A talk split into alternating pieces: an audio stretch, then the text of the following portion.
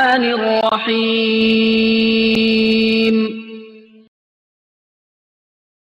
إنا نحن نزلنا الذكر وإنا له لحافظون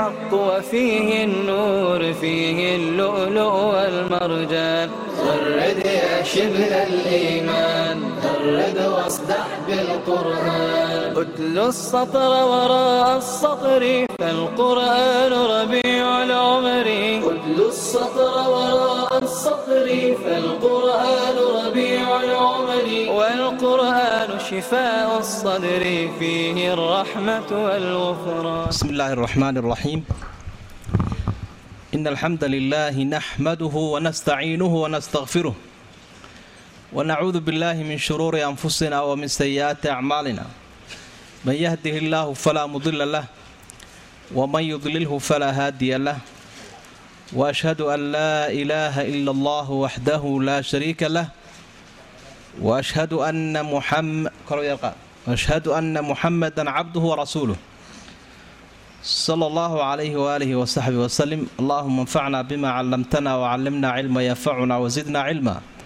والحمد لله على كل حال وحين ku dhex jirnay suuraة اlbaqara tafsiirkeedii qaybaha hore wqulnaa yaa aadam uskun anta wasawjuka aljannata wakulaa minha ragada xayu shi'tumaa walaa taqrabaa haadihi shajara fatakuunaa min aldaalimiin nebi aadan baa ilaha u yeedho wuxuuhi adiga iyo oridaada xawaa xaawa baynu idhaahnaa laakiin sida loogu dhawaaqaya waa xawaa bay kutubtu qorayaan xawaa labadiinuba jannada dega oo meeshaad doontaan wax ka cuna geedkaasuun iska ilaaliya. Geed loo cayimay geedkaasi waa alxindatu wasumbulatu wazaytuunu midba mid buu ku sheegayaa kutubta. Laakiin innaga dee wax badan oo maaragtay ku tacalluqa ma jiro ee waxa weeyaan. Waa geed alla calaamadiyey uun. Wuxuu ka turjumayaa uun wixii ilaahay diidaana inuu diidan yahay. Wixii ilaahay u amraana inuu amran yahay. Taasubuu ka turjumayaa geedkii isaga ahaa waa loo sheegay waxa ay la kulmayaan fa azallahuma ashaydaanu canhaa canhaa geedkiibuu shaydaankii jannadiibuu ka simbirixiyey fa akhrajahumaa mima kaana fiih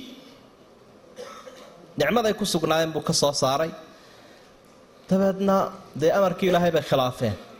Waqulnaa lahum waqulnaa ihbituu bacdukum libacdin cadow dega buu ilaahay samada ka dega jannada ka dega labada waa noqonaya ilaa caalamka kore. Walakum fi lardi mustaqarun wamataacun ilaxiin jannada adduunyada waxaa ku leedihin mustaqar. Meelaad degtaan mataac wax yaroo ku raaxaysataan. Ilaa xiin ilaa inta muddoah intaa ka soo dhimanaysaa arrinku saasuu ku dhacay. Cadaawadiina waa taa. Ibliisku ilmo bani aadam cadow buu u yahay oo waa ka dhaaranaya. Dee qur'aanka dhexdiisa ilmo bani aadam laftigooduna dee cadaawad baa dhex martay oo waxay ka soo bilaabantay labadii aadam uu dhalay. Suuratulmaa-ida si aynu ugu tegi doono oo midika kale kow ka siiyey gaalkoodii islaamkooday ka dhaxaysaa islaamka laftiisii bay sii dhexmaraysaa waxa weeyaan dhibaatooyinkii ka dhashay ka soo bixidda jannada. Arrintaasuu dareemay mushkiladda ka timi nebi muuse oo aadan baa ilaahay istusay meel ilaahay og yahay buu isku tusay. Siduu nebi maxamed caleyhi salaatu wasalaam xadiidka ku sheegay aadaga nebi muuse odaygii canaantay aadama wuxuu ku yidhi ma aadan baad ahay kii naga soo saaray jannada. War maxaad igu eedaynaysaa? Buui miyaanad towraad ku arkin. Intaan ilaahay abuurin ka horba inay sii qornayd inaan ilaahay caasiya ee khilaafayo. Me waan ku arkay buui de haddama wax ilaahay qadaraad igu canaananaysaa buui aabba iga da canaanta waaya fatalaqaa wuu la kulmay buu ilaahay aadamu nebi aadam min rabbihi ilaahiisa wuxuu kala kulmay kalimaatin kelmaduu kala kulmay. Kelmadihii ku towbad keeni lahaabaa ilaahay uu barayoo fataaba calayhi wuu ka towbad aqbalay. Innahu ilaahay huwa isagu attawaab ka towbad aqbalka badan weeye. Alraxiimu ilaahay waa ka naxariista. Qulnaa waxaanu nidhi buu ilaahay yidhi ihbituu ka dega minhaa jannada xaggeeda ka baxa jamiican idinkoo dhan aadam iyo ehelkiisiiyow dhaafa halkan. Fa imaa ya'tiyannakum hadduu idinka yimaado minnii aniga xaggayga hudan hanuun hadduu ka yimaada buu ilahay yidhi oo aan hanuun idiin keeno faman tabica cidda raacda hudaaya hanuunkayga cidda raacda. Cidduu doonayaba ha ahaado. Falaa khawfun calayhim cabsii dushooda may ahaanin dadkaa walaa hum yaxsanuun mana murugoon doonaan waaladiina kafaruu kuwa ka gaalooba biaayaatina aayadahayga kuwa diida iyo hanuunkaa aan keenay ulaa'ika kuwaasina asxaabu nnaar naartay la saaxiib yihiinay ku waarayaan naartay la saaxiibiin muddo dheer ku jirayaan hum iyagu fiihaa naarta dhexdeeda khaaliduuna way ku waarayaan nebi aadam calayhi salaam markii uu arkay amarkii ilaahay inuu khilaafay ama wixii loo diiday dee dhex galay wuu towbad keenay. Marka kelmaduu ilaahay kala kulmay kelmadahan ilaahay buu kala kulmay ilaahayna wuu kula kulmay. Macnaheed waxa weye ilaahay baa wuxuu baray siduu alle u raali gelin lahaa ee uu toobad keeni lahaa. Waalqur'aanu yufasiru bacduhu bacdan qur'aanka kariimkaina wuu isfasiraa oo haddii meeli ay yaro mubham tahay ama si guud wax u sheegto meel kala iftiimisa ilaahay baa wuxuu tilmaamay kelmadaha ilaahay uu nebi aadan baray ee u laqimay ee uu ku toobad keenay ee ilaahay uu ku raaligeliyey caynkay ahaayeen. Rabbanaa dalamnaa anfusana wain lam takfir lana watarxamna lanakuunanna min alkhaasiriin aadam iyo xaawi iyagoo hadlaya waxay idhaahdeen ilaahay ow naftaydii waan dulmina. Ila qofku hadduu macsiyo iyo gaf sameeyo sideedaba ilaahay waxba ma yeelo isagaa waxisyeela haddii aanad noo dhaafin oo aanad noo naxariisan kuwa guuldaraystaanu noqonayna ilaahay ow gefnay qiranay waa toobad keennay ilaahw naga dhaaf. Saasay idhaahdeen. Ilaahayna wuu ka dhaafay. Dembigii isagaa wuu ka dhaafay. Arrintaas waxay ka turjumaysa oo muuqaal ay utay tilmaamaysa. Ilmo bani aadam way gafayaan wax dhowrsoon yeelan maayaan. Rusushunbaa dhowrsoon rusushana waa adiga arkaya marmarka qaarkood inay yaro ciirayaan. Ilmo bani aadamkii kale duriyadii aadam ka farcanayd marka ay uu gef ka dhaco waxaa la doonayaa inaanay ku sii adkaysan inaanay quusanin laakiin ilaahay ay u toobad keenaan siduu ilaahayba fariintaa soo faray nebi maxamed qul yaa cibaadiya aladiina asrafuu calaa anfusihim laa taqnatuu min raxmat illaah ina allaha yakfiru dunuuba jamiica qofku dembi kastoo uu galo noocuu doonaya ha ahaada gaalnimadaa u weyno hadduu ka towbad keena ilaahay wuu ka dhaafaya. Waa nicmooyinka waaweyne ilaahay uu basharka siiyey. Weliba nebigu wuxuu xusaya calayhi salaatu wasalaam haddii bani aadamkani aanay gafaynin ilaahay intuu meesha ka saaro qaar gafoo towbadkeenuu keeni lahaa. Ayuu ilaahay abuuri lahaa. Walilaahi fii khalqihi shu-uun. Marka waa inaynu towbadda ogaana towbaduna waa faral habeen iyo maalin. Gabal dhacay iyo waa baryay. Goor walba qofku ma isgaranayo wax ka dhacdhacay. Saa darteed waa inuu towbada badiya towbada badiya wakhti walba. Fataaba calayhi inahu huwa tawaabu raxiim faqulna hbituu minha jamiican. Ilaahay baa ku celiyay waxaa la yidhi ka dega halkan waqulna hbituu bacdakum libacdin caduw. Halkana ilahay wuxu uhi wada dhaafa intii halkaa joogtayba hadduu ibliis ku jira iyo hadday aadam iyo xaawo yihiin ka halkan ka degadaa ilaahay. Marka halkaa waxaa laga fahmayaa gefka shayga la ydhaahdaa nicmo la haystuu dadka weydaariyaa. Gefka iyo macsiyadu nicmo la haystana wuu weydaariyaa. Balaayo aan jooginna wuu keenaa waa lilmacaasi aathaar macaasidu raad bay ku leedahay. Bulshada iyo qofka iyo dhaqaalaha iyo deegaanka. Intaba macsiyadu waxa ay ku leedahay raad weyn. Dee gefka aadan ka dhacay waa adiga arkaya. Halkana la isula soo baxay. Lagdabka faraha badan iyo rafaadku uu ka jiro ee aan lagu nasanaynin. Waxa haddaba ilaahay uu tilmaamay dadku markay ifkan yimaadeen ciddii aadam ka farcan. Iyo ilaahay waxa ka dhaxayn kara. Ilaahay xadhig buu soo laalaadiyey xadhiggaa ka soo irkadee soo qabsada jannadii nebi aadam laga soo saaray ama waalidkeen wuu ku noqonayaa xadhiggaa ka seegaana haawiyuu ku dhacaya. Adduunyadu si halbay hayde waxa uu ku halaagsamayaa naaraha marka xidhiidhka ilaahay iyo addoommaha ka dhaxeeya ayay halkan ilaahay ku tilmaamay. Fa imaa ya'tiyannakum minii hudan hadduu hanuuniga ka yimaado hanuunku waa kee?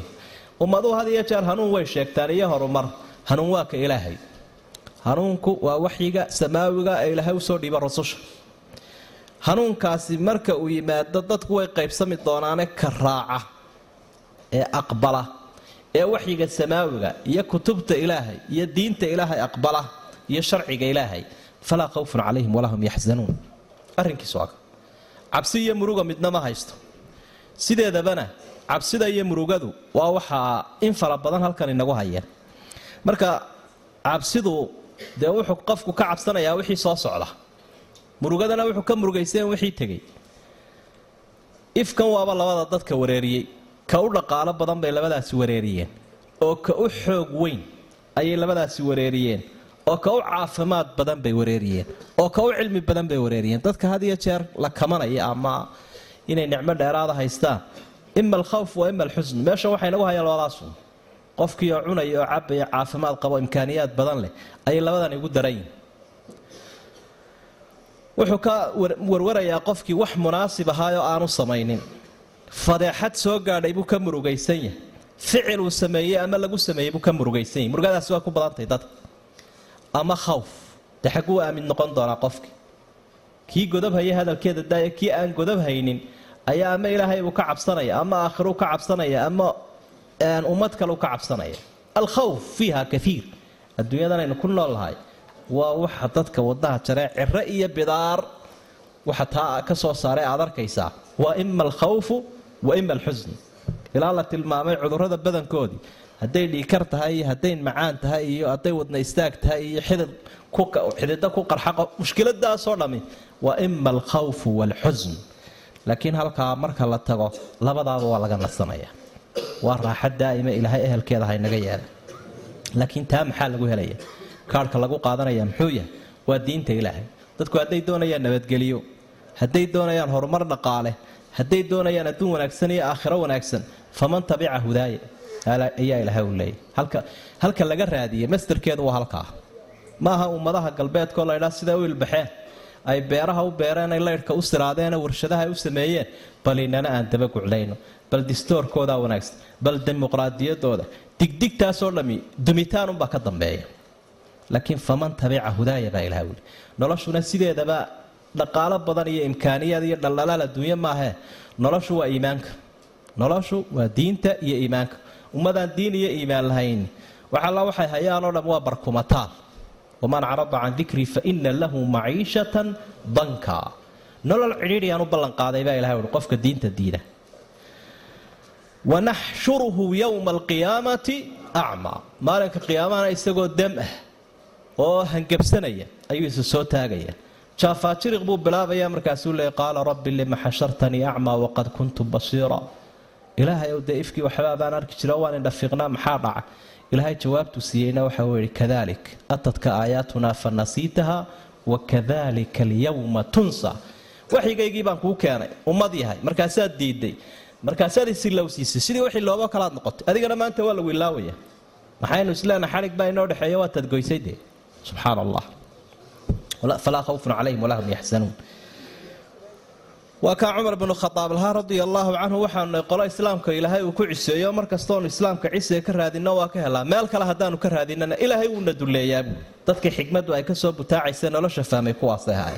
waa kaa ilahay hi waladiina kafaruu wakadabuu biaayaatina ulaaika asxaabu naari hum fiiha khaaliduun. Halkaasun baan ku caburaynay halkaasaa lagu buuxinaya. Waayahay waxaa haddaba halkan ilaahay uu ka bilaabay inuu xiso qisadii reer banu israa'iil reer banu israa'iil qisadoodii. Oo runtii qisooyinka qur'aanka ugu badana xagga soo noqnoqoshada. In fara badan bay qisadaasi soo noqnoqonaysaa. Qisooyinka qur'aankuna waa dhowr nooc. Qisooyinka qaarkood waxay ka warramayaan ambiyada. Iyo dacwaddii ay u gudbinayeen ummadahooda iyo markhaatigay wateene mucjisaadka ah. Wa mowqifu lmucaanidiin iyo dadkii ka hor yimi bal tallaabooyinkay qaadeen. Waxaa kale oo la socda dee ummadaha casharada ilaahay u dhigay iyo duruustaynu ka kasbanayno qisooyinka qaarkoodna waaba wakhtigii nebiga caleyhi salaatu wasalaam ee qur'aanku uu soo degayay qisooyin dhacaybaa qur'aanku uu ka warramaayo. Dee haddii nebigii asxaabtu ifka ay ka tegeen innaga ayaa cashara ka kasbanayna. Nastafiid minha duruusan wa cibar. Qisooyinkaasi waxay caddaynayaan usasu dacwati ila allah. Ilaahay marka dadka loogu baaqayo xaggiisa bal tallaabada la qaadaya iyo habka loo soconaya iyo arrimuhu siday u kala horeynayaan wamaa arsalnaa min qablika min rasuulin ilaa nuuxii ilayhi annahu laa ilaaha ilaa ana facbuduun qisooyinka qur'aanka xikmadaha ku jiray ka mid tahay tahbiitu fu'aadi rasuuli illaahi sala allahu calayhi wasalam wa quluubi alummati almuxamadiya calaa diin illaah wa taqwiyati hiqati almu'miniin qisooyinka xikmadaha loo sheegaya waa nabigaa lagu dejinaya iyo ummadda islaamkaba had walba. Oo markaad aragto bahashan adduunyada iyo taariikhdeedii iyo soo jireenkeedii iyo lagdanka ka jira iyo kolba sida qolo loo roganayay iyo waxa sabab u ahaa waad la qabsanaysa. Wakadalika wakulan naqusu calayka min anba'i rusul maa nuhabitu bihi fu'aadak wajaa'aka fi hadihi alxaqu wamawcidat lilmuttaqiin. Waxaa kale oo qisooyinkaasi ay fawaa'idka ku jira ay ka mid yihiin dikrayaadkii iyo xusuustii walaalaha inaga horreeyey iimaanka inooga horreeyey inaynu maaragtay qalbigeenna ku soo xaadirsanno ku dayanno iyo raadkoodii ilaahay uu ka dhigayo mid waara. Nebi maxamed caleyhi salaatu wasalaam dacwadiisu inay ayay qisooyinkani ka markhaati furayaan. Ilaan rusushiibaa ilaahay uu noo horkeenay maqaalkoodii iyo muuqaalkoodiiba.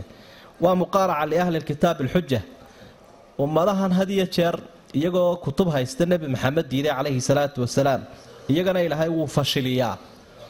oo kutubtooda waxay sheegaysay dadka ka qariyeen ayuu qur'aanku in badan ka waramaa qisooyinku waxa weeye qur'aanku uu ka waramaya labadan qisayn qisada reer banu israiil iyo qisada nebi aadam ay ka mid yihiin waa darbun min duruubi aladab yascaa yasqaa ilayhi asamcu wa tarsakh cibaruhu fi nnafs waa siyaabaha qofka loo laabqaado loo dareengeliyo loo qiirogeliyo si waxa loo sheegaya si wanaagsan ugu qaato.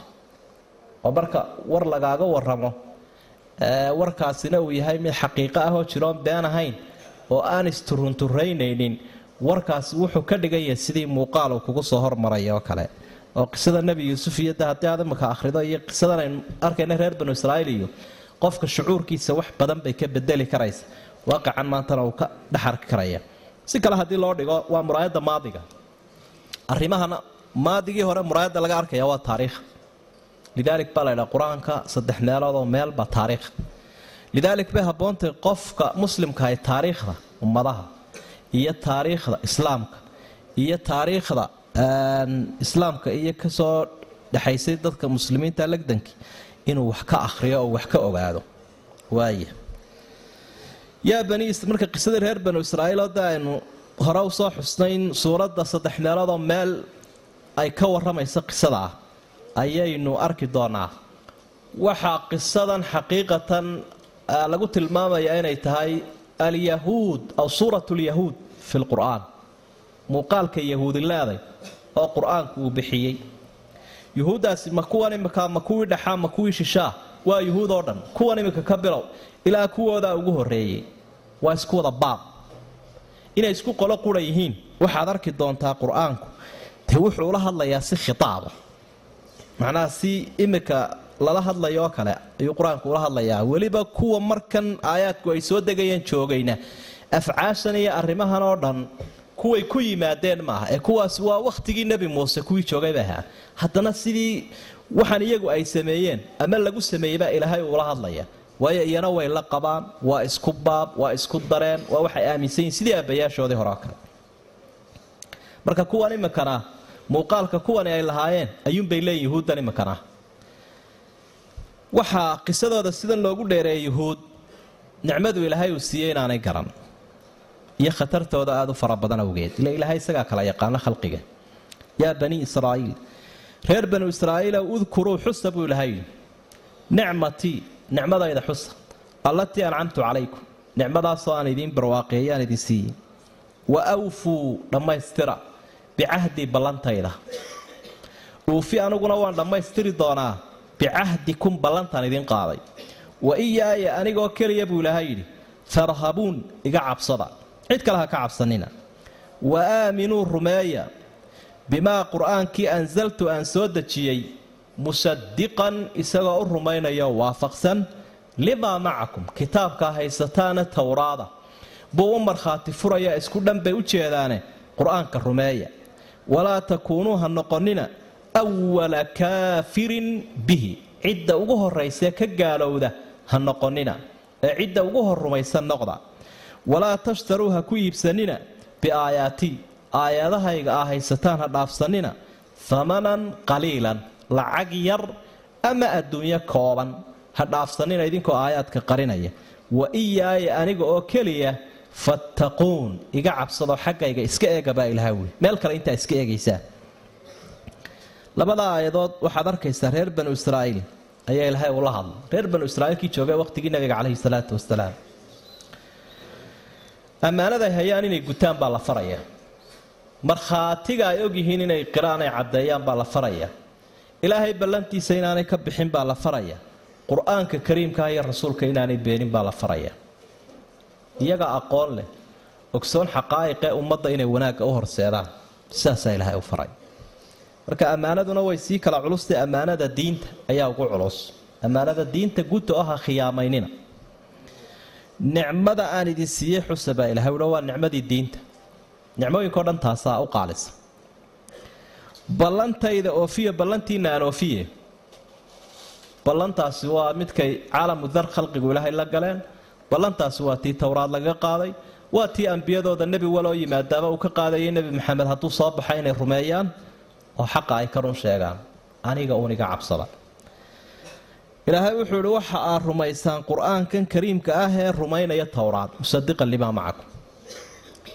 Oo maal haddii uu khilaafsanaan lahaa ama burin lahaa ama isweydaarsanaan lahaayeen marmasiyaaba heli lahaayeene.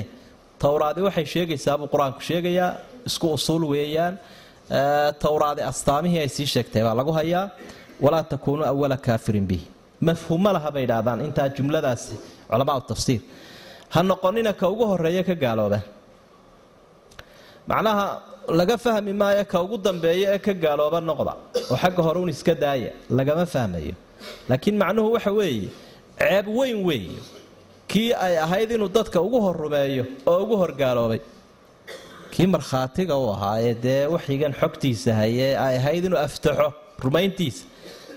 Ee kitaabkiisa ku haya inuu ugu horgaaloobo waa ceebta ugu xun weeye marka idinkii la doonaya inaa ugu hor rumaystaan ama markhaati noqotaan ama dadka ku guubaabisaan dee kii ugu horgaaloobaya ha noqonina. Ee lagama fahmayo yaro dambeeya. Aayadaha ilaahay ha ku iibsanina adduunyo yar. Saasaa ilaha weli marka halkaa waxaynu ka fahmnay ilaahay nicmadu ina siiye marka horeba inanilaa wixii nimanka loogu mana sheegtay iyo wixii ilaahay uu ku guubaabiyey intaba way noo yaallaan nicmada aynu haysanno islaamka kowka ah. Qofku hadduu diin iyo iimaan leeya iyo islaamnimo iyo camal san iyo cibaado wanaagsan oo wax kasta uu waayo waxba u noqon maayo. Balaayo kastoo soo kabagashataa waxba yeeli mayso qofkaasi hadduu diin leeyahay. Waayo halkii lagu waaraya uu ku nasanayay buu tegi doonaa musiibada adduunyadana wuu iska ilaawi awfuu bicahdi uufi bicahdi. Waxaynu ka fahmaynaa ilaahay waxa laga doonaya waxa laga helaa. Wuxuu inaga doonaya markuu inaga helo. Saas in tansurullaaha yansurku marka had iyo jeer wuxuu ballan addoommaha kaga qaaday qur'aanku. Uu inagula hadlayo rasuulku inagula hadlay. Waxaa sameeya waxaa sameeya waxaa sameeya waxaa iska daaya. Kaa la oofiya ilaahay wixiisii baa la helay marka haddii muslimkiioo jabay la arko muslimkiioo xaqiran muslimkiioo laga xoog badan yahi muslimkiioo faqiira intanoo aayadood iyo intanoo diinihina ay sheegayaan waxaasoo khayra inay helayaanoo ay la-yihiin maanta. Macnaheeda ha u fahmin inuu ilaahay subxaana wa tacaala waxaan jirin sheegay. Laakiin shardigan unbaa la waayay. Haddii shardiga la waayona mashruudkaa la waayaa. Iminka waxaan ku idhi haddaad halkaa albaabkaa ka baxdo adduunka intaa leeg albaabka kugu horreeya ka helaysa. Haddaad kaba bixi weyda miyaad soo helaysa ma soo helaysa waayo shardi baa ku xidhan. Shardiga haddii la helunbaa mashruudkana la helaa. Ilaahay baa wuxuu leeyahy wa awfuu bicahdii uufi bicahdi. Marka ummaddan aad arkaysa hangabsanaysa ee indhaha beeshay ee adduuniya aakhiraba daciifka ka noqdeen shardigaasaa laga waayay waxaa kaloo ilaahay uu tilmaamay walaa tashtaruu biaayaati hamanan qaliila waiyaaya fattaquun. Adduunyo yar ha ku iibsanina aayadahayga aayaadku mar madaxday la hadlaan mar culimaday la hadlayaan mar raggay la hadlayaan mar dumarkay la hadlayaan bulshada qaybaheeda kala duwan qur'aanku si guudna wuula hadlaa. Mararka qaarkoodna qolaba si gaar uula hadlaa. Waa sidaa cagaftaa dhulka safaynaysa ama xaadhaysa ama wax toosinaysaoo kolba meeshii qalloocan ee soo baxday dee jiidhaysa. Marka qof waliba iyadoo si guudna loola hadlaya si gaar marka loola hadlayana waa inuu calaamadsadaa culimmadii yuhuudda aayadda ku soo degtay. Culimmada islaamkuna waa inay iska ilaaliyaan khatartaa looga diga inay ku dhacaan. Diinta ilaahay in adduunyo la dhaafsado oo mabdicii xaqa ahaa ee lagu noolaa ee lagu dhiman lahaa maslaxad la dhaafsado taasibaa ilaahay uga digay reer banu israiil ficlan waanay sameeyeen. Nabigu calayhi salaatu wasalaam waxa uu ihi qofka cilmi barta cilmigaasoo ah wixii lagu doonayo ilaahay wejigiisa si uu adduunyo ugu helo lam yurix raa'ixata aljannati yowma alqiyaama. Qiyaamada jannada urteeda ma helo. Macnaheedu maba gala janno. Macnaa asbaxa muxtarifan bidiini. Qofkani wuxuu noqday qof diintiisii ku shaqaysanaya.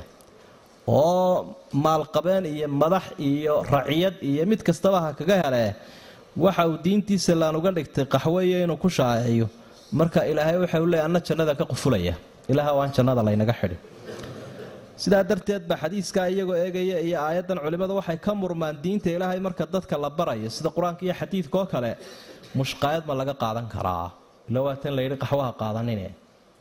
Waa tan layidhi lacag yar ha dhaafsanine wax ma laga qaadan karaa. Baridda qur'aanka la barayo tafsiirkiisa dhigidiisa xadiidka la barayo kutubta ha iyo mayaba waa yidhaahdeen laakiin qowlka dhexdhexaadka ah waa qowlka u badan.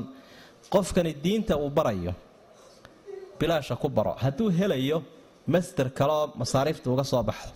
Meel kaleoo masaariifta uga soo baxda hadduu helayo waa cibaadee cibaadadiisaasi bilaasha u ahaado.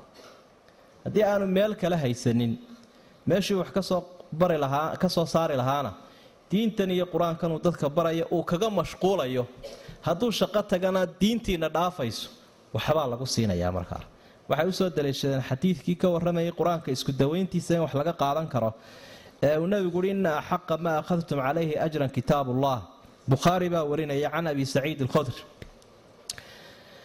Wax aa mushqaayad ka qaadataan waxa u fiican oo u wanaagsanba kitaabka ilaahay. Xadiidkaasay markaa haddii lagu daweynayo haddii la barayo labadaba. Waayo qofkii inaga ta inoo daran waxa weeye dadku inay diin la'aan ku dhacaan dadku inay jahli kaga sugnaadaan diintooda. Taasaa mushkilada adduun yaroo laga qaata mushkilada ka badani waxa weeye dadku inay garan waayaan qur'aankoodii iyo xadiidkoodii iyo waxyigoodii si kastoo lagu dhiirigelinayo oo mubaaxaba la maraya. Waaya alla waxau uhi walaa talbisu lxaqa bilbaail walaa talbisuu ha ku laaqina ama ha ku dhex darina alxaqa bilbaail xaq iyo baadilka ha isku dhex darina. Wa lxaqa walaa taktumu lxaqa culimmadii ay xaqa ha qaninina wa antum taclamuun idinkoo garanaya. Wa aqiimuu salaa salaada ooga baa ilaha wuli wa aatu zakaa sakadana quudha oo bixiya. Warkacuu maca araakiciin kuwa rukuucaya la rukuucoo la tukada baa ilaha wuli ata'muruuna miyaa faraysaan culimmada haddaad tihiin?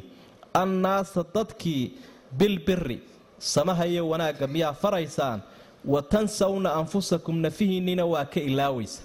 Oo xumaanwanaaggii ma faraysaan. Wa antum tatluuna alkitaab. Idinkoo weliba kitaabkiina akhriyaya. Afalaa tacqiluun? Miyaydaan wax garad ahayn baa ilaha wuli oydaan waxba fahmaynin.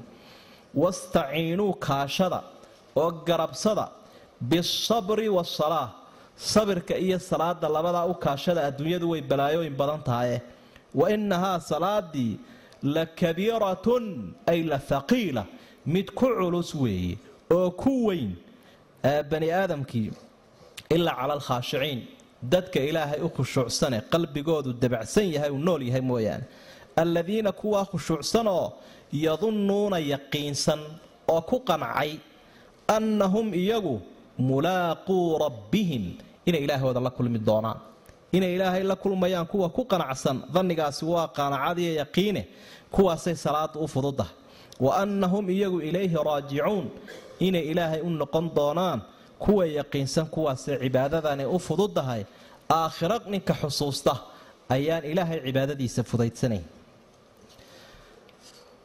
arrimahan waxaad arkaysaa reer banu israa'iil baa khitaabku culimmadoodii uu ku socdaa iyo caamaba ummaddii marka wixii iyaga la faray innagana waa layna faray. Waayo waa dhismo ummadeed waxaygu wuxuu ka hadlaya.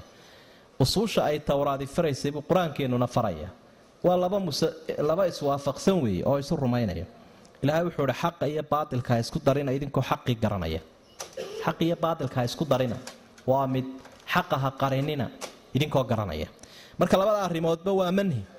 Oo nafyiga u yaalla halka horea nafyiga dambena u yaalla walaa talbisu alxaqa bilbaatil laaba halkaa ku jirta ka kalena wuu ku cadfan yahay ficilka kale waalmactuufu cala almanhiyi manhiyu mid la diiday waxa lagu xidhaana isna waa la diiday marka macnaheedu waxa weye walaa taktumuu walaa talbisu alxaqa bilbaatil walaa taktumu alxaqa saasay wada socdaan xaq ha isku dhex darina oo wax aan xaq ahayn xaqa ka dhigina mar labaad xaqa ha qarinina.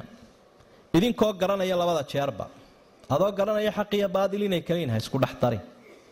Adigoo garanaya xaqan inuu caddayn u baahan yahay ha qarinin.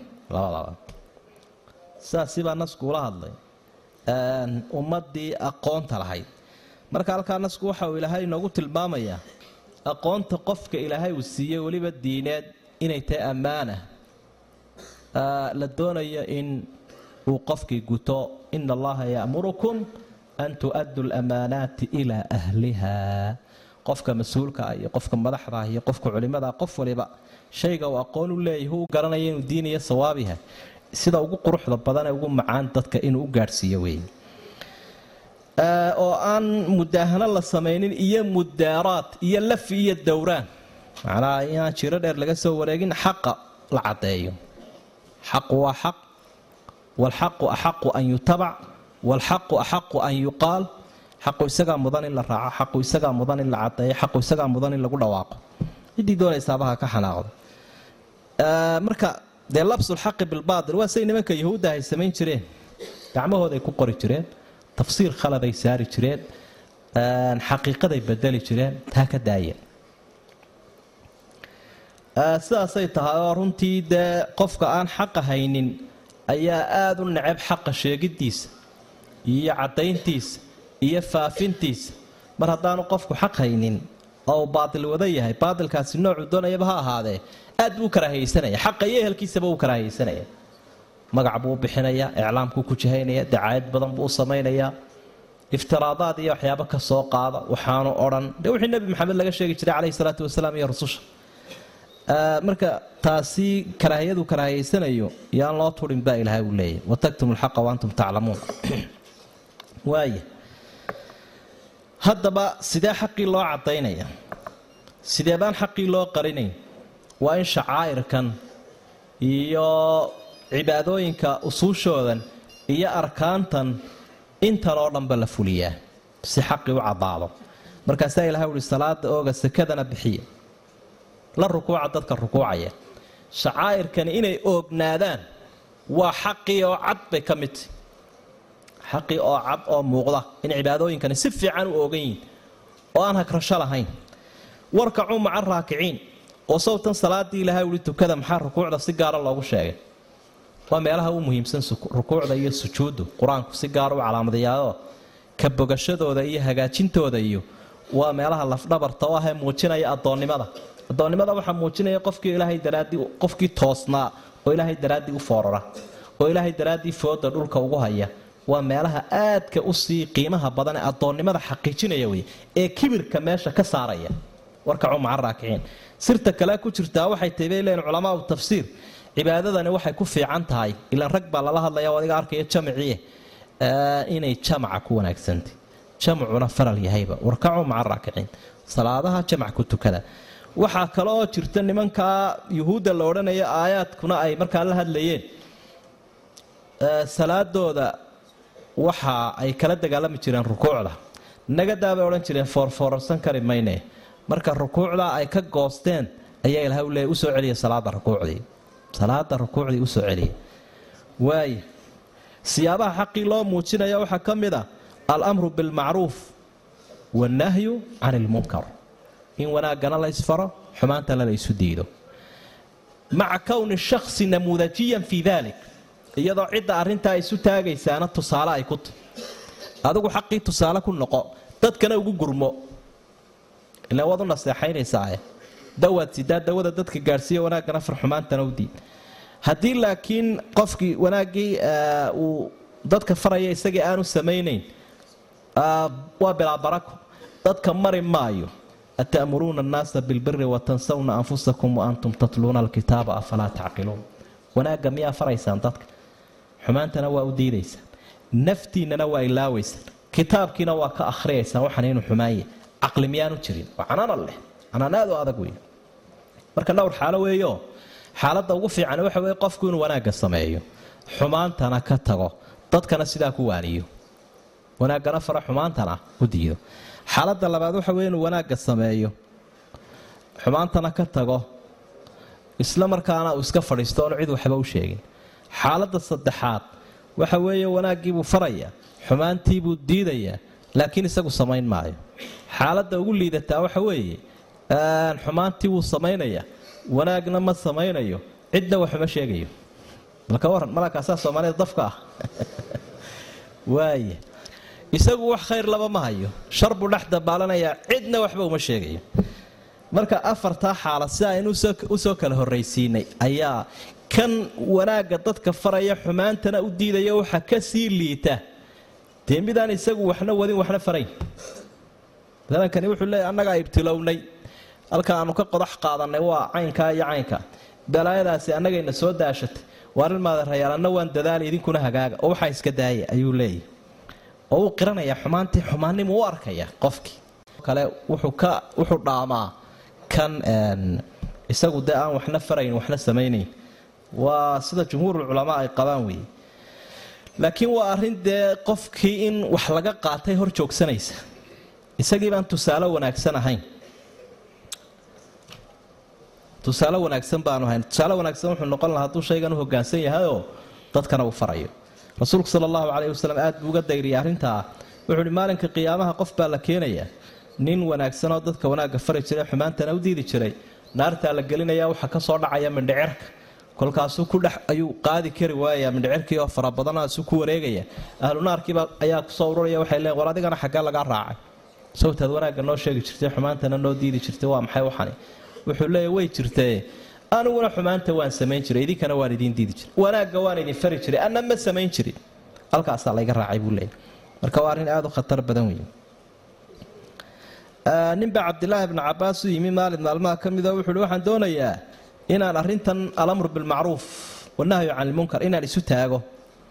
Waa saddex aayadood ma ka dabaalan karaysaa buui midi waa aayaddan midna waxa weeye suuratu saf lima taquuluuna maa laa tafcaluun. Kabura maqtan cinda allahi an taquluu maa laa tafcaluun. Iyo aayaddii ka warramaysay qisadii nebi shucayb wamaa uriidu an ukhaalifakum ilaa maa anhaakum canh. In uriidu ila lislaaxa ma staactu wamaa tawfiiqii ila billah waar ma doonaya buu nabi shucayb leeya waxaan idiin diiday inaan idiin weydaarto.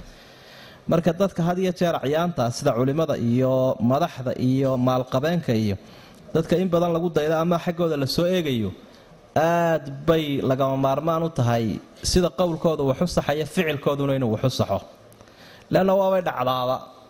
Dadka qaarkood in dee la isu egaysiiya annaasu calaa diini muluukiin baa laydhaa madaxdoo kale mararka qaar baa waxay yidhaahdaan iyo sida u dhaqmaan iyo waxay isticmaalaan iyo dharkay xidhaan iyo sow dadku kama daba maro. Dowladdan baad arkaysaa ka u madaxda ahi ee waxa uu xidhanya iyaguna dadkoodu xidhanayaan. Zayigiisiibaa la eeganaya qowlkiisii iska daa marka khaladkiisu waa khatar badan yahay culimmaduna waa saasoo kale. Qofka ficilkiisu waa inuu maaragtay aada uga dadaalaa marka laga saxana waa inuu qaataa. Haddaan sabab kale jirin. Waaya waa xaqa siyaabaha loo cadaynaya ka midta haddii arrintan dee markaa ay sii socotana khatar bay keeni kartaa. Oo haddii dadkii qaarna xumaantii sameeyaan kuwii kalena ay diidi waayaan oo la isla aamuso nacdal baa iman karta saynu xagga dambe aayaad ku arki doono ilaahay wuxu uhi wastaciinuu bisabri wasalaa sabirkiiyo salaada kaashada waa siyaaba xaqa loo cadaynayo siyaaba xaqa loo sugayo. Ee aan la isugu daraynin baadilkiiyo xaqa marka halkaa waxaa ka muuqda adduunyada marka la joogo mushkiladaheedaa badan duruufaheedaa badan qofku waxa uu kaga dabaalan karaa mawjadaha hiraya iyo musiibooyinka iyo duufaanada inuu doonida sabirka fuulo. Laabudda an yadlac markaba sabr. Markaasuu mawjadaheeda kaga tallaabaya markaasuu maqsuudkii gaadhaya iyo halkii uu ku socdayo jannadii ilaahay. Marka macsiyadii sabir bay u baahantay. Macmacaanka yar iyo shaydaanku wuxuu kuu qurxinayo. Sabir baa lagaga dabaalan karaa. Sabir baa lagaga dabaalan karayaa cibaadooyinka aynu gudanayn ee naftu ka soo taagantay. Sabir baa lagula iman karaya. Musiibooyinka kugu dhacaya ee wax walad jeceshay ku dhaafinaya sabir baa laga gudbi karaa. Dacwadda ilaahay iyo xaqiijinteeda iyo xaqa cadayntiisa sabir baa laga gudbi karaya jihaadka ilaahay sabir baa lagula iman karaya. Kullu dalik sabir buu u baahan yahay. Salaaduna waa cunsur muhiima oo ruuxda qofka ee sabri karaysu ayay kor u qaadaysa. Saa darteed baa ilaahay uhi isagoo nabiga la hadlaya waamur ahlaka bisalaati wastabir calayha. Marka arrin uu ku yimaado wuxuu u degdegi jiray nebigu calayhi salaatu wasalaam salaada. Salaaddii way ku culustay kuwa khushuucsan mooyaane. Waa run. Wasadaqa allah ilaahay baa run sheegay. Waynu arkaynaa. Dadkeenna intiisii faraha badnayd iyo salaaddii maye. Xagee kala maraya? Qofkii wuu xoog wan yahay. Haddii doono oradka cidi ka dheerayn mayso dadka u dheereeyuu ku jiraa. Haddii laydhaa waxa la xamaalo ka ugu weyn buu xamaalayaa haddii laydhaa waxa la cuno waxa u badan buu cunayaa. Haddana haddii laydhaahdo ha la rukuuco way ku adagtay markaasuu xoqasho bilaabaya wuxuu leeya maryahaanay daahir ahayn sidana meeraysi buu bilaabmaya waan tukan doonaa waxbaan isku hagaajinaya horta. Muxuu isku hagaajin waa inuu shan daqiiqa istaaguu tukadu weysaystabe mushkilad kaleba waa kabiira. Way ku culus tahay oo shaydaankiibaa ku cuslaya daacaadkao dhammi waa noocaas. Macnaha qof cibaadadu waxay u baahan tahay layli iyo inuu qofkii jabsan yahay. Sidaa darteed baa nabigu calayhi salaatu wasalaam uu dee lahaa ubadka fara goorma toddoba jir markuu yahy toban jir ha lagu edbiyo ha loo muujiyo arrinkani arrinkaba kacdaa inuu yahay. Markuu yaraantaa ku soo carbismo weynaanta kaga tegi maayo. Awrka had iyo jeer lagu carbiyo ama lagu layliyo yaraanta. Markuu qaalinka yar yahay waa ka biyomadaadshaha noqda iyo gurgurqaadka. Ee marka dambe reerka caruurtiisa la saaree si fiican lagu aayo laakiin isagoo baarfuran oo korana ka la soo qabto dee markaa waxba lagu aamini maayo wuu buubaya waad arkaysaa qofkiioo xoog loo marka laydhaa markuu salaadii bilaabo sidaa u xidhxidhanoo ataxiyaadkii aanu fadhiisan karayninoo aan rukuuci karayno inuu figaysan yahay un aad moodo wainaha lakabiiratun ila cala alkhaashiciin khaashiciintaasi waxa weeye aladiina yadunuuna anahum mulaaquu rabbihim waanahum ilayhi raajicuun waxay yaqiinsayin inay ilaahay la kulmayaan ilaahayna u noqonayaan. Liman kaana yarju llaaha walyowma alaakhir inaad ilaahay xusuusan tahay inaad aakhiro xusuusan tahay oo arrimaha cibaadada ku fududeeya. Yaa banii israa'iil reer banu israa'iilow buu ilahay rabbi u baaqayo udkuruu xusa nicmatii allatii ancamtu calaykum. Nicmadaan idiin nicmeeyey. Wa annii fadaltukum cala alcaalamiin wa annii anugu fadaltukum inaan idinka dheeraad siiyey cala alcaalamiin caalamiintii wakhtigaasoo dhan inaad dheeraad ka yeelateen taana xusuusta. Nicman idin siiyo waan idin fadila. Wattaquu yowman maalin ka cabsada. Maalin ka walbahaaroo ka walaaca. Maalinkaasoo laa tajzii aanay abaalinayn. Nafsu nafi can nafsi naf kale shay-an waxba. Nafina naf waxba kama qallayn karto waxba kama bixin karto. Walaa yuqbalu minhaa naftaa la qabsadayna lagama yeelayo shafaacatun ergo. Haddii loo ergeeyo naftaa la haystaha ah qofkaa la haystaha ah ergo lagama aqbalayo. Walaa yu'khadu minhaa lagama qaadayo naftaa cadlun madax furasho. Madax furashana ma jirto. Walaa hum yunsaruun loona hiilin maayo dadkaa. Waid wakhti xusa najaynaakum aanu idinka nabadgelinnay reer banu israa'iilow kuwii nebigu ilaahay la hadlaya calayhi salaatu wasalaam arrinkana aabbayaashood baa loo sameeyey. Waa isku baab. Wixii aabbahaa loo sameeyey adna waa lagu sameeyey. Waid najaynaakum markii aanu idinka nabadgelinnay bal dibu xusuusta min aali fircawn. Fircoon iyo cafaaridiisii iyo qoladiisii yasuumuunakum waxay idin dhadhansiinayeen. Suu'a alcadaab cadaabkiisa u xun iyo jirdil iyo ciqaab ka ugu adag bay idin dhadhasiinayeen oo anaa idinka nabadgeliyey yudabbixuuna waxay biraynayeen ama gowracayeen abnaa'akum innamadiinna si aanay u soo korin wayastaxyuuna waxay daynayeen nisaa'akum dumarkiinna si ay ugu shaqaystaanee u addoonsadaan wa fii daalikum baa ilahay uhi kaa la sheegay waxa idinku sugnaa balaa'un min rabbikum. Balaayo weyn baa ahayd oo ilaahay xaggiisa ka timi. Cadiimun oo aada u weyn oo laydinku imtixaanayo. Waid faraqnaa xusa waid waqti xusa faraqnaa aanu kala kaxaynay. Bikum idinka daraaddiin albaxra baddii baanu laba ka kala dhignay. Biyihii soo socday ayaanu joojinno markaasaanu kala qaybinay. Faraqnaa bikum albaxra. Fa anjaynaakum waanu idin nabadgelin oo biyii baanu idinka nabadgelin. Wa aqraqnaa waxaanu hafinay buu lahay aala fircawn fircoon iyo tolkii ayaa la hafiyey. Wa antum tanduruun idinkoo eegaya idinkoo eegaya siday biyaha u dhex yaacayaan sida midha xareeraadka ay u hafanayaan idinkoo eegaya ayaa halkaa cadowgiini ku halaagsamay yeedhmadaasaa ilaahay ummaddan uu yeedhaya inay ammaanada gutaan oo ilaahay nicmadiisa marun ay ku mahadnaqaan. Bal inta aayad ilaahay ugu yeedhaya ummadda een waxba kaga duxin waxalla wax kaga duxay ma jiro. Nicmadayda xusa. Nicmadaasi dee waataynu soo sheegno mid diineed iyo mid duunyaba way lahayd waxa ilaahay xusay inuu ka dheeraad siiye caalamka. Bal hadda waa reer banu israa'iil. Wa annii fadaltukum cala alcaalamiin. Caalamkao dhan in laga fadilay baa reer banu israa'iil ilaahay uu tilmaamay. Waa yuhuudda. Wakhti wakhtiyada ka mida bay ahayd maxay? Mufadaliina cala alcaalamiin. Haddana markii dambe maxay ku dambeeyeen?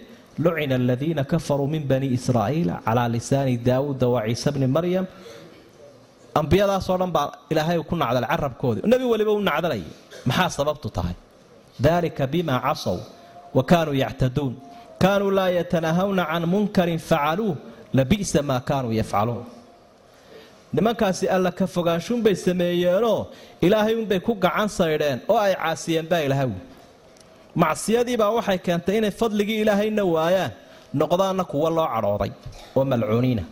Marka halkaa waxaad ka arkaysaa ummadaha macnaa makhluuqa iyo khaaliqa abtirsiima kama dhaxayso laakiin maxaa ka dhaxaysa? Addoonnimo. Inay addoommo u noqdaan. Sirtaa inaad fahamtaabaa muhiima. Dadku ilaahay waxay ugu kala dhow yihiin. Waxa uu u kala jecel yahay kolba siday u kala caabudaan. Kolba siday xadhiggiisana u qabsadaan. Kolba siday amarkiisa u qaataan. Waayo halkana wuxuu uhi wa annii fadaltukum cala alcaalamiin ayugu mana sheegtay caalamkao dhan baan idinka fadila halkanna waa la nacdalaydaa le marka macnaheedu ma aha dad islaam sheeganaya haddii oo ummaddii nebiga khayrka badnaa lagu sheegay hadday ficiladii yuhuudda sameeyaan iyagu nacdashaa mutaysan maayaan macnuhu maaha ee nacdashaasa iyaguna yeelanay wanacuudu billahi min dalik ilahay baynu ka magangalay laakiin waxaasoo balaayo ahee diin la'aanah dadka muslimkii hadday u badrheedhaan iyadoo la tilmaamay ummaddii nebiga khayrka badnayd inay yihiin malcuuniin bay noqonayaan. Waayo ummadaba shardi baa ku xidhnaa kuntum khayra ummatin ukhrijat linnaas maxaa ku xidhan ta'muruuna bilmacruufi watanhawna cani lmunkar waa sababtii waa niyatu su'aal jawaabtii wey in arrintaa la fahmaana waa muhiim waxa ilaahay uu tilmaamay insaanku intuu ifkan joogo inuu diyaargaroobo safaray lagama maarmaan tahay inuu galo ayuu safrayaa waa safarkii aakhiro waa safar aan ogeysiis lahayn waa safar aan soo noqosho lahayn waa safar aan jaanis kaloo ku dambeeyaa jirin.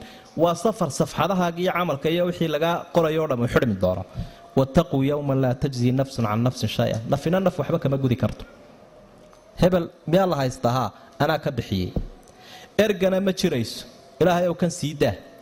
Mar haddaanu ilaahay ergadaa ogolaan. Madax furashana ma jirayso. Maxaa lagu haystaa? Intee in leeg. Annagaa intaa dhignay waxani waa waxyaabay adduunyada wax lagu maarayn jiray qof haddii la qabsado cid baa loo ergeeyaa maal baa laga bixiyaa isagaa isfurta ma jiro. Tol iyo xigta toona ma jirto walahum yunsaruun. Dowladi ma jirto xigtana ma jirto. Faidaa nufika fi suuri falaa ansaaba baynahum yowmaidin walaa yatasaa'aluun waxba la yswaraysan maayo. Mid waliba xaggiisa u cararaya maalinkaa xusuusta maalinkaa ka baqda. Qofku maalinkaa intuu xusuusan yahay iimaankiisu wuu hagaagsan yahay camalkiisu wuu hagaagsan yahay tudhaalihiisu wuu hagaagsan yahay waayo wuxuu dareemayaa waxa ka dambeeya. Mar hadduu maalinkaa ilaawo qalbigiisiibaa qalaalay nicmadu waa laba qaybood mid waxa weeyaan khayr ilaahay uu siiyey iyo barkhad uu u soo kordhiyay dadka. Midda labaadna waxa weye balaayo ilaahay uu kaa joojiyey. Oo sideedaba al-islaaxu daakhili yahbut cinda alislaax alkhaariji. Marka had iyo jeer dadka wanaagooda gudaha islaamku uu bineeya uu dhammaystiro akhlaaqiyaadkooda iyo diintooda iyo shuruucdooda iyo dowladooda wuxuu baadi doonaa markiiba ku xigaya alislaax alkhaariji in arrinka dabaduna ka tiirsan yahay. Haddii dadku diin iyo dunyaba ay ummadda islaamku hagaagsan tahay gudahooda laakiin cadow dabadeed uu ku soo foogan yahay dee laadka uu ku dhuftaabaa diin iyo dunyaba ka luminaya. Se wax jira maaha waxalla waxaa barwaaqo la haysto waxalla waxaa diin iyo cibaadiya dacwad la haysto iyo cilmi. Haddii ummaddu aanay awood lahayn baaba'bay mucaradiin u yihi inay baaba'aan oo dee adiga arkaya maanta. Dadkii muslimkaa sida loo galayo. Marka ilaahay wuxuu ugu manno sheegtay reer banu israa'iil inuu cadowgoodii jabiyey. Cadowgoodii cilmi buu siiyo. Wuu fadilayo barwaaquu siiyayo. Cadowgoodiina wuu jabiyey. Waxyaabuu ilaahay ugu manno sheegtay wey ummadda oo cadow qabsado oo uu cidhbaha gooyo oo uu halaago jiritaankeeda iyo barwaaqadeeda iyo nabadgelyadeeda midna macno ma leh waxaan idinka nabadgeliyay fircoonoo cadaabkii u kululaa idin dhadhasiinayo inamadiinana gowracaya dumarkiinana daynaya nacas buu ahaa fircoon. Nacasyaashoo dhan ka ugu weyn buu ahaa. Waayo mid baa faaliyoo yidhi madaxnimadaa aad haysato mid yaroo dhasho reer bani israa'iil ayaa sababu noqonaya. Oo maxaabuu sabab ugu noqon? buuhi kii dhashay ee inanaba ma hala gowraco. Basaasiintii iyo noocii nabad sugidii buu diro wuxuu ihi tu kastoo uur la raadiya dabagalun ha lagu sameeyo mar alla marka umushown hala eego. Hadduu inayaa la soo qaado kow laga siiyo. Marka nacasimadiisa dee haddii arrintani wax jira ay tahay oo inankaasi uu milkigiisa sabab u noqonayo uu meesha kollayba ka saarayo dee waxba u tari maayo dad uu gowracaa. Ila kollayba milkigii u waayaye haddii arrintani ay been tahayna dee waaba beene muxuu dadka u layn. Marka labada dhanba hadduu u fikiro dee wuxuunba anficila laakiin fikir baan jirin. Waa junuunulcadama ayaa ku dhacay. Waalidiis la weynaanta. Wayastaxyuuna nisaakum dumarkiina way ka xishoonayaan maaha. Ee way daynayaan. Yatrukuunahunna fii qaydi alxayaa iyagoo nool bay ka tegayaan si ay ugu shaqaystaan. Wa fii dalikum balaaun min rabbikum cadiim. Balaayo weyn baa halkaa idinka soo martay. Cadow kaa xoog bata. Nimaan kuu turayn iyuu kuu talin bay yidhaahdeen waata iminka ummadda islaamka haysta. Iyagiibaa qaraaraadkii iyo ururadii iyo meelihii la isugu imanaya wixii oo dhan haya kow intoo adiga arkaya dee filistiin. Yuhuuddii sidan ilaahay ugu mana sheegtee cadowga laga nabadgeliyey. Cadaawadday samaynayaan oo adiga arkaya. Wiiggii hore konton qof bay dileen. Wiigganna hal maalin bay sideed iyo toban qof dileen. Dhaawacna hadalkiisabadaa muslin iyo gaal wax ka hadlaya ma jiro. Carabtii ee walaalaha ayeen baa yar hadlay oo waxay idhaahdeen bal deg deg ha isugu yimaadaan wasiirada khaarijo. Afkunbay isyar saarsaarayaan sidii shimbiraho kala dhaqaajinaya iyaguna wax kaleba ma jiraba. United nation iyo xuquuqul insaan iyo wixii waa la isla soo dhaafay. Waa la isu cadaystay marka nimankii noocaa dee ilaahay uu u badbaadiyu saa ugu mana sheegtay qur'aanka kariimkaa ka akhriyi karaya oo adiga arkaya. Gardarro galab og iyo inay heleen ummado shisheeyo dee sii xoog badan.